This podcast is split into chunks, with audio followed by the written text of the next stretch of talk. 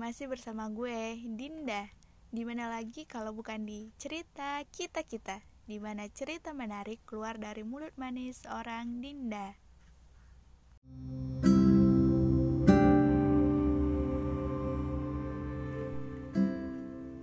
Lagi, gue gak pernah bosen soal mengudara bareng kalian.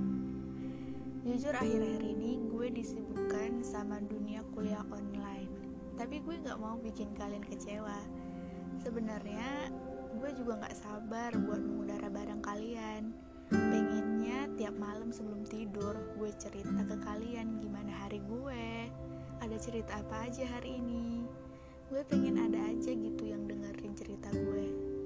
Tapi ya mau gimana lagi? Kuliah nuntut gue buat fokus.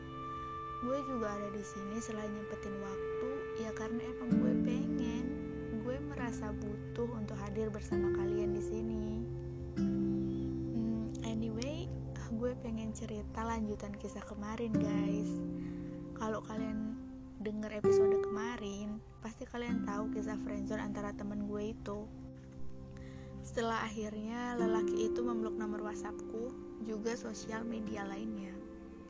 Aku sedikit merasa bersalah Sarapanku pun menunya rasa bersalah. Jangan tanya apakah aku sudah berusaha meminta maaf, tentu aku sudah melakukannya. Bahkan hari ini pun, meski lelaki itu memblok nomorku, aku masih tetap menghujaninya dengan permohonan maafku. Berharap semoga saja suatu hari ia membacanya, karena aku pikir itu akan berlangsung lama. Tapi feelingku kali ini salah. Keesokan harinya, pagi sekali, ia mengirimiku pesan WhatsApp. Hanya sebuah lambaian. Lalu kembali memfollow akun Instagramku. Aku pikir pagi ini aku akan sarapan rasa bersalah lagi.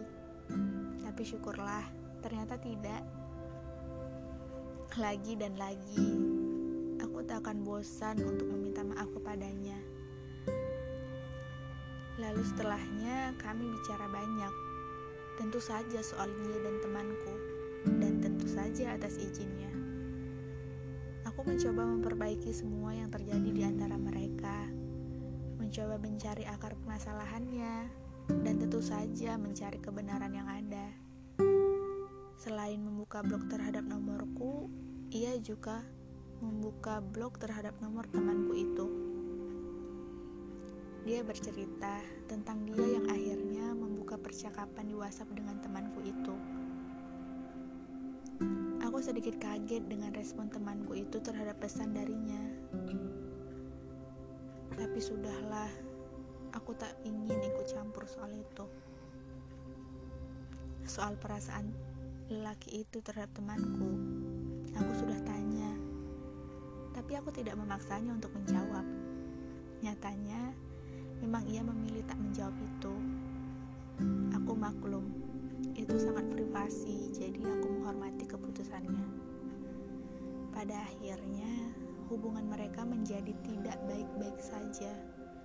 Meskipun percakapan di antara keduanya telah dibuka, nyatanya rasa canggung menyelimuti keduanya.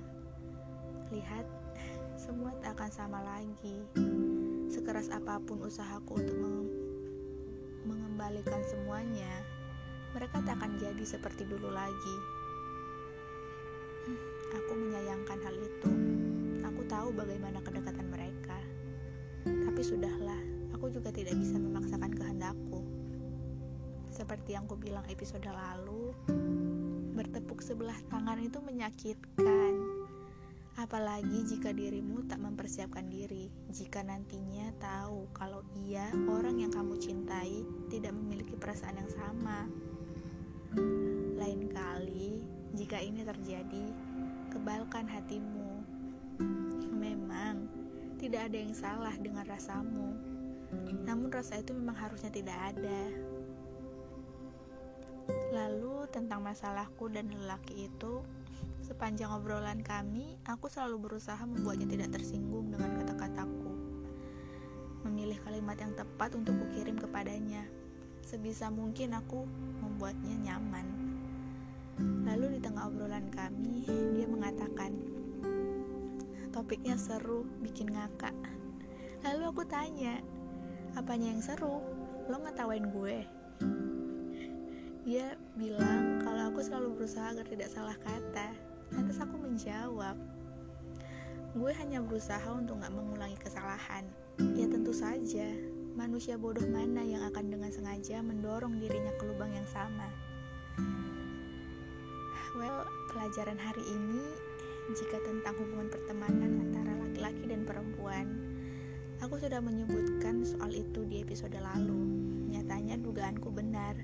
Pada akhirnya semua tidak akan sama lagi seperti sebelumnya.